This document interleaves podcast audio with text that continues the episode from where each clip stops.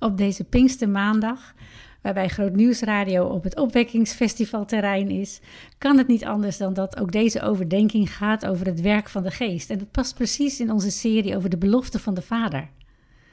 In Johannes 15 staat: Wanneer de pleitbezorger komt, die ik, Jezus, van de Vader naar jullie zal zenden, de geest van de waarheid, die van de Vader komt, zal die over mij getuigen. De belofte van de Vader is dat de geest over Jezus zal getuigen. Met andere woorden, de Heilige Geest is de grootste getuige van Jezus. En hij schept ook getuigen van hem. Let maar op, als de apostelen gevangen genomen zijn, dan lezen we in Handelingen 5 dat een engel van de Heer de deuren opent en zegt: Spreek tot het volk over alles wat dit nieuwe leven aangaat. En als ze dan verhoord worden door de hoge priester, zegt Petrus: Daarvan getuigen wij en daarvan getuigt ook de Heilige Geest die God gegeven heeft aan wie hem gehoorzamen. Zie je dat de Heilige Geest en de apostelen samenwerken? Wij zijn getuigen en dat is de Heilige Geest ook. Ze getuigen van dezelfde persoon in dezelfde kracht. De Heilige Geest laat niet alleen de waarheid zien, hij maakt ook mensen zichtbaar.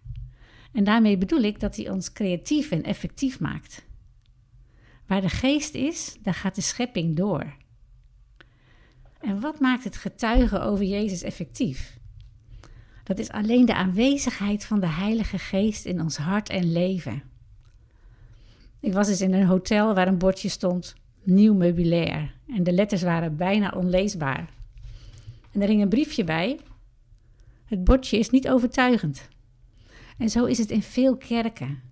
Ze geven geen besef van het goede nieuws, maar een mistige, vage blik op wie Jezus Christus is. En dan is het zo super dat bij opwekking bijvoorbeeld zoveel gelovigen samenkomen en de geest ons één maakt. Daar gaat getuigenis van uit. En daarom bidden we, Heilige Geest, werk in ons vandaag. U die de grootste getuige van Jezus bent. Help ons om in liefdevolle compassie te leven, recht te zoeken en nederig te zijn. Heer, dank u wel dat u in ons en door ons leeft. En dank u wel, Heilige Geest, dat u ja, zich niet te hoog voelt om in onze kleine levens werkelijkheid te zijn. Zo bidden wij, Vader, geef ons die plus die komt van de Heilige Geest. Vul ons opnieuw deze dag, zodat we met vreugde uw vuur kunnen verspreiden. Amen.